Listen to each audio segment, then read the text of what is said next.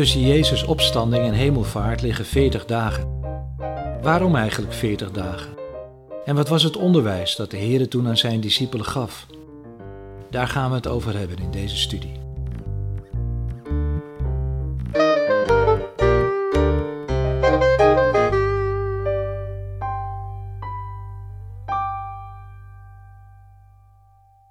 Ik wil in deze podcast eens ingaan op het onderwijs van de Heer Jezus aan zijn discipelen tijdens de periode van de 40 dagen tussen zijn opstanding en zijn hemelvaart.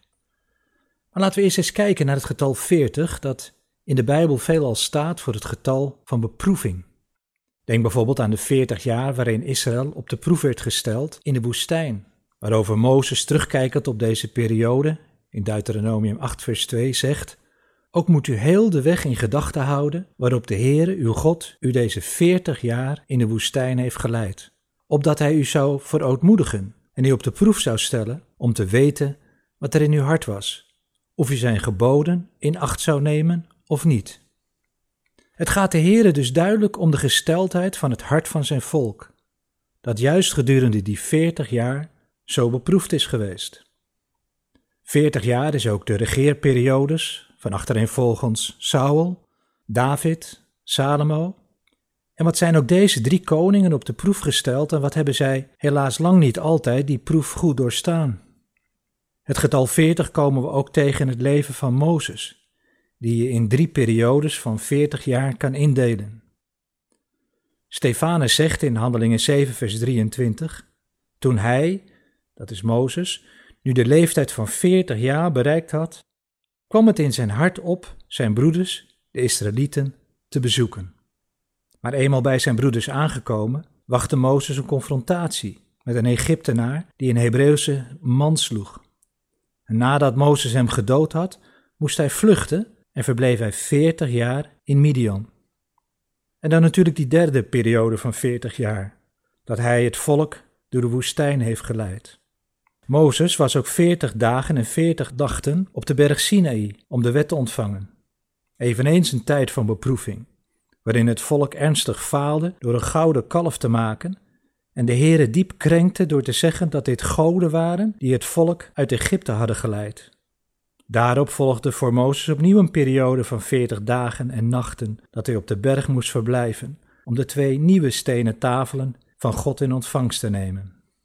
En zo zijn er eigenlijk nog legio voorbeelden te noemen. Denk bijvoorbeeld aan de veertig dagen die de verspieders in Canaan doorbrachten. Een periode die eindigde in een enorme anticlimax. Het land was mooi, vloeide over van melk en honing, maar het volk dat er woonde zou te sterk zijn, evenals hun steden die onneembaar zouden zijn, met als gevolg het volk bleek de beproeving niet te doorstaan. En dan het laatste, maar ongetwijfeld het belangrijkste voorbeeld. De Heer Jezus, die veertig dagen en veertig nachten door de duivel in de woestijn werd verzocht, maar die verzoeking wel glansrijk heeft doorstaan, en daarom ook als het volmaakte paaslam, het volmaakte offer voor een volmaakte verzoening, tot stand kon brengen. En dat brengt ons bij de veertig dagen tussen opstanding en hemelvaart. Veertig dagen waarin de discipelen eveneens werden beproefd. Denk aan de Emmausgangers, die zeiden tegen die zogenaamde vreemdeling in Jeruzalem, die met hen opliep, en wij hoopten dat hij het was die Israël zou verlossen, maar al met al is het vandaag de derde dag sinds deze dingen zijn gebeurd. Hun hoop was gevestigd op de Heer Jezus als degene die Israël verlossen zou, maar hun hoop leek verloren, want het was al de derde dag. Zoals het getal 40 staat voor beproeving, staat de derde dag in de Bijbel bijna altijd in relatie tot de opstanding. Maar ondanks dat het graf van de Heer Jezus leeg was en de vrouwen een verschijning van engelen hadden gezien, die hadden gezegd dat hij was opgestaan en leeft, konden deze twee discipelen het niet geloven. De geloofsbeproeving was hen te groot. Hun gezichten stonden dan ook bedroefd. Tot het moment dat de Heer Jezus het woord neemt en zegt: O onverstandigen en trage van hart, dat u niet gelooft al wat de profeten gesproken hebben. Moest de Christus dit niet lijden om zo in zijn heerlijkheid ingaan? En hij begon bij Mozes en al de profeten en legde hun uit wat in al de schriften over hem geschreven was. De profeten in het Oude Testament waren er zo duidelijk over geweest dat hij eerst moest lijden om vervolgens zijn heerlijkheid in te kunnen gaan. Denk aan wat Petrus schrijft over die profeten in 1 Petrus 1 vers 11, namelijk dat zij onderzochten op welke en wat voor tijd de geest van Christus die in hen doelde, toen hij tevoren getuigde van het lijden dat op Christus komen zou en ook van de heerlijkheid daarna. Denk ook aan de vele keren dat de Heere van tevoren niet alleen over zijn lijden en sterven, maar ook over zijn opstanding had gesproken. Zoals bijvoorbeeld in Matthäus 26, vers 31 en 32. Toen zei Jezus tegen hen: U zult in deze nacht allen aanstoot aan mij nemen, want er is geschreven: Ik zal de herders slaan en de schapen van de kudde zullen uiteengedreven worden. Nadat ik opgewekt zal zijn, zal ik u voorgaan naar Galilea. Denk aan Thomas, die eerst wilde zien om dan pas te kunnen geloven. Zo vallend dat zelfs staande op de olijfberg, vlak voordat de Heer Jezus ten hemel voert, we lezen in Matthäus 28, vers 17, en toen zij hem zagen, aanbaden zij hem, maar sommigen twijfelden. Veertig dagen dus, waarin deze Joodse gelovigen werden beproefd. Maar nu dan de vraag wat en welk onderwijs de Heer Jezus aan zijn discipelen in die periode van veertig dagen heeft gegeven. Het antwoord op die vraag lezen we in Handelingen 1, vers 3, waar Lucas, de auteur van het boek Handelingen, schrijft: Hij heeft zichzelf, nadat hij geleden had, ook levend aan hen vertoond met veel onmiskenbare bewijzen. Veertig dagen lang, waarbij hij door hen gezien werd en over de dingen sprak die het koninkrijk van God betreffen. Het kernthema waarover de Heer Jezus met zijn discipelen sprak, was dus het koninkrijk van God en de dingen die daarmee verband hielden. Maar wat voor soort koninkrijk bedoelde de Heer Jezus eigenlijk? Bedoelde hij dat hij koning in ons hart wil zijn? Nou, dat ongetwijfeld ook. Maar ik denk dat er eigenlijk een veel groter verband is dat we mogen zien. Eigenlijk ligt het antwoord opgesloten in de vraag die die discipelen een paar versen verderop stellen, in Handelingen 1 vers 6. Heren, zult u in deze tijd voor Israël het koninkrijk weer herstellen? Ik zei al, de Heer Jezus ging verder met het onderwijs dat hij voor zijn lijden en sterven had gegeven. En dat ging inderdaad over het herstel van het koninkrijk aan Israël. Denk alleen al aan zijn eindtijdreden, zoals bijvoorbeeld in Matthäus 24, waar de Heer een opsomming geeft van dramatische gebeurtenissen die aan zijn wederkomst en het herstel van Israël vooraf zouden gaan. Maar denk ook aan de geweldige beloften met betrekking tot dat koninkrijk die de Heer Jezus tijdens de Pesachmaaltijd, ook wel de Sedermaaltijd genoemd, heeft gegeven. Deze laatste maaltijd met zijn discipelen, vlak voor zijn lijden en sterven, vinden we onder andere in Lucas 22 beschreven. Ik citeer vers 15. En hij zei tegen hen: Ik heb er vurig naar verlangd dit paascha met u te eten, voordat ik ga lijden. Want ik zeg u dat ik daar zeker niet meer van zal eten, totdat het vervuld is in het koninkrijk van God. Dat woord vervulling, dat hier wordt gebruikt, heeft de betekenis van iets dat bijvoorbeeld door de profeten voorzegd is en dan in vervulling gaat. De eerste keer dat we het woord tegenkomen is in Matthäus 1, vers 21, als de engel tot Jozef zegt: En zij, Maria, zal een zoon baren en u zult hem de naam Jezus geven, want hij zal zijn volk zalig maken van hun zonde. Dit alles is geschied opdat, dan komt dat woord, vervuld werd wat door de Heere gesproken is, door de profeet, toen hij zei, zie de maagd zal zwanger worden en een zoon baren, en u zult hem de naam Immanuel geven. Vertaald betekent dat God met ons. Als dus de Heer Jezus tijdens de zederavond zegt niet meer van het paascha te eten totdat het vervuld is in het koninkrijk van God, betekent dat dat de uiteindelijke vervulling van dat Pesach-ritueel zijn volle betekenis krijgt als het koninkrijk van God op aarde is aangebroken. Hetzelfde zien we in de versen 17 en 18 van Lucas 22, als de Heer Jezus de eerste beker wijn laat rondgaan. En dan lezen we: En nadat hij een drinkbeker genomen had en gedankt had, zei hij: Neem deze en deel hem onder elkaar. Want, redengevend, ik zeg u dat ik niet drinken zal van de vrucht van de wijnstok, totdat het koninkrijk van God gekomen is. Nou, dat woordje gekomen, in het Grieks ergomai, heeft de betekenis van arriveren, van een fysieke aanwezigheid. Dit woord bijvoorbeeld vinden we voor het eerst in het Nieuwe Testament bij de komst van de wijzen uit het oosten, die vragen: Waar is de pasgeboren koning der Joden? Want wij hebben zijn ster in het oosten gezien en zijn gekomen, daar heb je het woord, om hem te aanbidden. Ze waren dus fysiek aanwezig. En zo is het feitelijk ook met betrekking tot dat koninkrijk van God, dat straks ook fysiek op aarde aanwezig zal zijn. En dan in vers 22, daar lezen we over een andere beker. Ik citeer: Evenzo nam hij ook de drinkbeker na het gebruiken van de maaltijd en zei: Deze drinkbeker is het nieuwe verbond in mijn bloed, dat voor u vergoten wordt. Wat het nieuwe verbond voor Israël betekent, lezen we onder andere in Jeremia 31, waar ook verwezen wordt naar de verlossing uit Egypte, maar dan op een veel grotere schaal. Luister maar. Zie, er komen dagen, spreekt de Heere, dat ik met het huis van Israël en met het huis van Juda een nieuw verbond zal sluiten. Niet zoals het verbond dat ik met hun vader gesloten heb op de dag dat ik hun hand vastgreep om hen uit het land Egypte te leiden. Mijn verbond dat zij verbroken hebben, hoewel ik hen getrouwd had, spreekt de Heere. Voorzeker, dit is het verbond dat ik na die dagen met het huis van Israël sluiten zal, spreekt de Heere. Ik zal mijn wet in hun binnenste geven en zal die in hun hart schrijven. Ik zal hun tot een God zijn en zij zullen mij tot een volk zijn.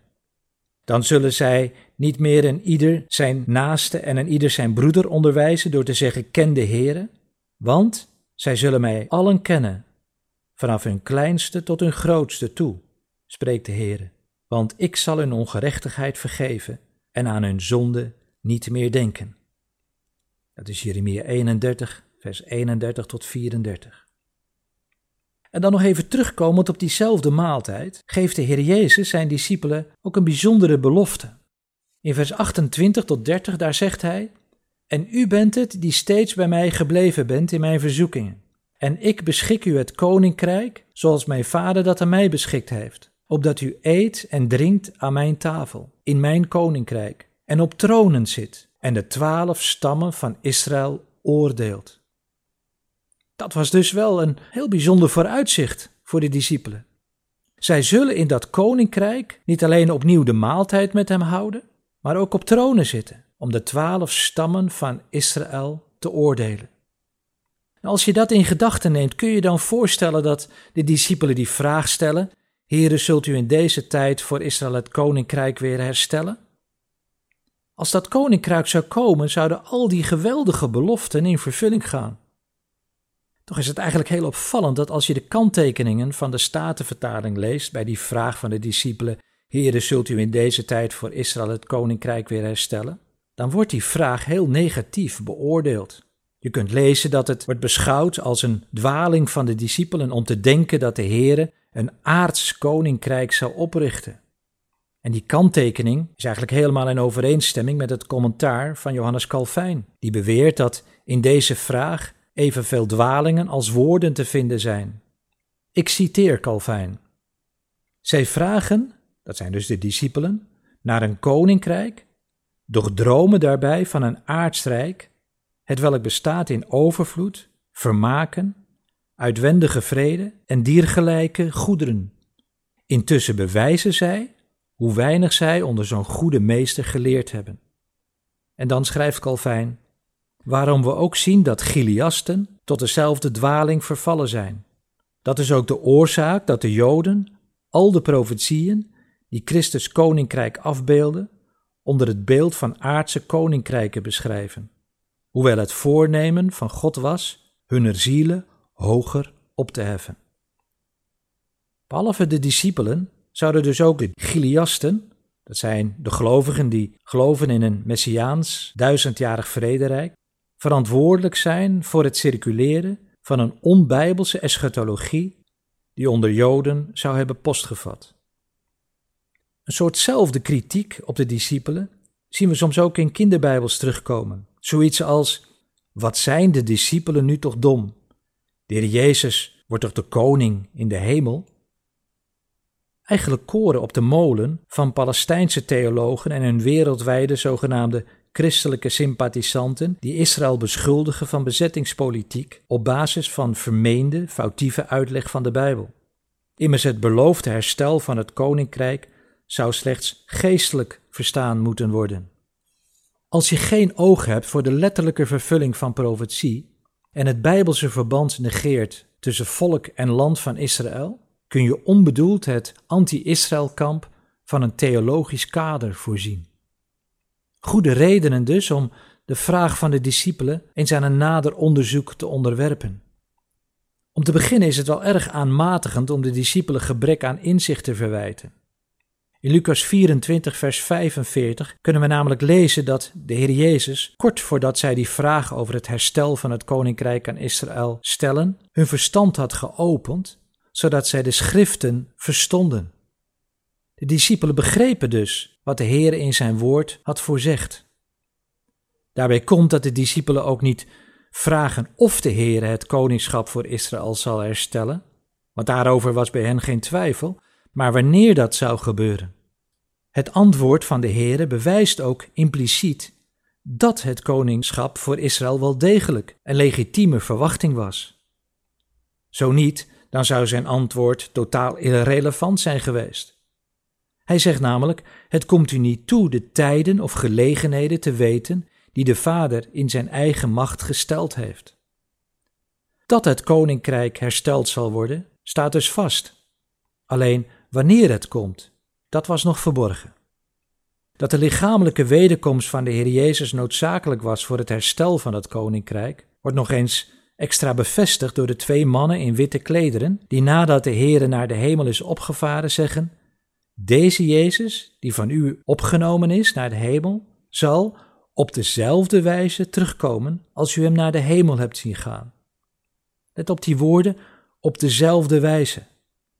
Dat wil zeggen, zoals hij lichamelijk naar de hemel is opgestegen, zo zal hij ook lichamelijk terugkeren. En ja, ook nog op dezelfde plaats. We lezen namelijk in Zachariah 14, vers 4 dat op die dag zijn voeten zullen staan op de olijfberg, die voor Jeruzalem ligt, ten oosten ervan. Er is dus geen enkel misverstand mogelijk. Mocht je niet weten waar de olijfberg ligt, dan is er nog de specificatie de berg die voor Jeruzalem en wel ten oosten van de stad ligt.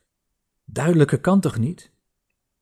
Nou, wellicht zullen sommigen als tegenwerping wijzen op de woorden van de Heer Jezus tot Pilatus in Johannes 18, vers 36, waar de Heer Jezus zegt: Mijn koninkrijk is niet van deze wereld. Als mijn koninkrijk van deze wereld was, zouden mijn dienaars gestreden hebben, opdat ik niet aan de Joden overgeleverd zou worden. Maar nu is mijn koninkrijk niet van hier. Het antwoord ligt echter verborgen in het woordje nu. Nu is mijn koninkrijk niet van hier. Straks zal echter wel degelijk dat koninkrijk op aarde gevestigd worden. Wie dat ontkent, neem bijvoorbeeld de profetie van Psalm 2 niet serieus, waar de Heere heel uitdrukkelijk zegt: Ik heb mijn koning toch gezalfd over Sion, mijn heilige berg. Zelfs hoe die koning zich in zijn heerlijkheid straks op zijn heilige berg zal manifesteren, hebben Petrus, Jacobus en Johannes met eigen ogen mogen aanschouwen.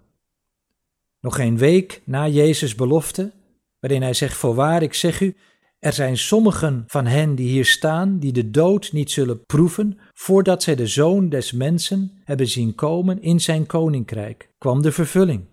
We lezen namelijk in Matthäus 17, vers 1 en 2. En na zes dagen nam Jezus Petrus en Jacobus en Johannes, zijn broer, met zich mee en bracht hen op een hoge berg, alleen hen. En hij werd voor hun ogen van gedaante veranderd.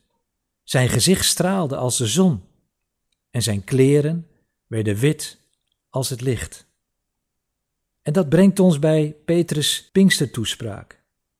Tien dagen na zijn hemelvaart is het Petrus die op de Pinksterdag opnieuw naar het koningschap van Christus verwijst en deze in verband brengt met zijn opstanding. Na Davids woorden in Psalm 16 te hebben geciteerd, want u zult mijn ziel in het graf niet verlaten en uw heilige niet overgeven om ontbinding te zien, verklaart hij, aangezien hij, dat is David, een profeet was en wist dat God hem met een eed gezworen had dat hij uit de vrucht van zijn lichaam, voor zover het zijn vlees betrof, de Christus zou doen opstaan om hem op zijn troon te zetten.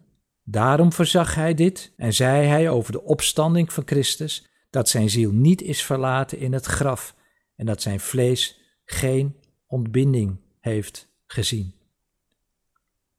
Maar hoe zit het nu met het antwoord van de Heer Jezus aan zijn discipelen? Als hij zegt: Het komt u niet toe de tijden of gelegenheden te weten die de Vader in zijn eigen macht gesteld heeft. Was daarmee de komst van het koninkrijk definitief op de lange baan geschoven en uit het gezichtsveld van de discipelen verdwenen? Of ligt er misschien een verband met de daaropvolgende woorden van de Heere, als hij zegt: Maar u zult de kracht van de Heilige Geest ontvangen, die over u komen zal, en u zult mijn getuige zijn, zowel in Jeruzalem als in geheel Judea en Samaria en tot aan het uiterste van de aarde. Inderdaad ligt daar een verband. Luister maar wat Petrus zegt in zijn tweede toespraak, naar aanleiding van de genezing van die verlamde man. Dan zegt hij tot het volk: Kom dus tot inkeer en bekeer u, opdat uw zonden uitgewist worden en er tijden van verkwikking zullen komen van het aangezicht van de Heere. En hij Jezus Christus zal zenden, die tevoren aan u verkondigd is. Hem moet de hemel ontvangen tot de tijden waarin alle dingen worden hersteld waarover God gesproken heeft bij monden van al zijn heilige profeten door de eeuwen heen. Moeten we dit dan ook als een domme oproep van Petrus kwalificeren? Had hij moeten stoppen bij de woorden: Kom dus tot inkeer en bekeer u, opdat uw zonden uitgewist worden? Nee, natuurlijk niet. Want het vervolg en er tijden van verkwikking zullen komen van het aangezicht van de Heere, en hij Jezus Christus zal zenden, die tevoren aan u verkondigd is, hem moet de hemel ontvangen tot de tijden waarin alle dingen worden hersteld, was hetgeen waarover God door de mond van al zijn heilige profeten door de eeuwen heen had gesproken.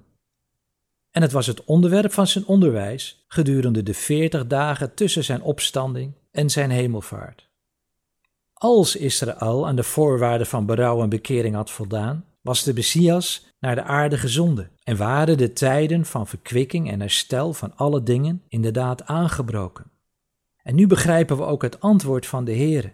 Het komt u niet toe de tijden of gelegenheden te weten die de Vader in zijn eigen macht gesteld heeft. Hij die de toekomst overziet, wist wat Paulus later in de Romeinenbrief zou moeten schrijven, in Romeinen 11 vers 11. Ik zeg dan, zijn zij soms gestruikeld met de bedoeling dat zij vallen zouden? Volstrekt niet.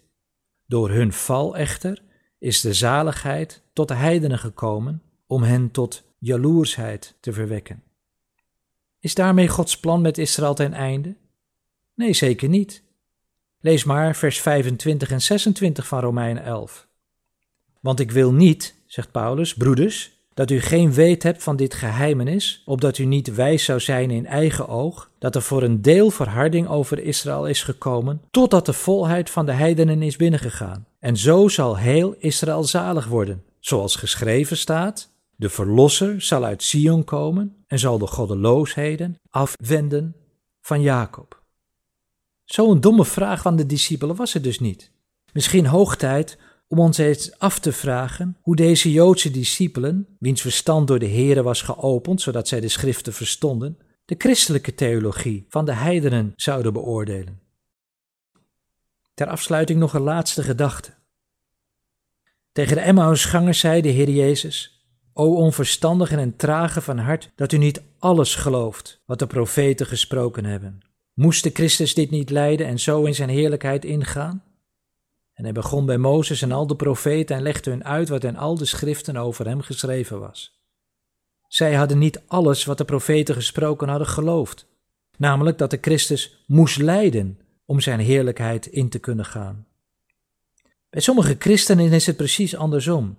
Zij geloven wel wat de profeten hebben gesproken over het lijden van Christus, dat natuurlijk allemaal letterlijk is vervuld, maar geloven niet dat die onvervulde profetieën over zijn wederkomst op aarde en het herstel van het koninkrijk aan Israël letterlijk in vervulling zullen gaan. Laten we daarom niet onverstandig zijn. Laten we niet traag zijn van hart, maar gewoon geloven alles wat de profeten gesproken hebben, zowel met betrekking tot zijn eerste als met betrekking tot zijn tweede komst. Wist je trouwens dat er veel meer profetieën gaan over zijn tweede komst dan over zijn eerste komst? Denk bijvoorbeeld aan die prachtige profetie van Jesaja 2. Het zal in het laatst der dagen geschieden dat de berg van het huis van de Heere vast zal staan als de hoogste van de bergen. En dat hij verheven zal worden boven de heuvels. En dat alle heidenvolken er naartoe zullen stromen.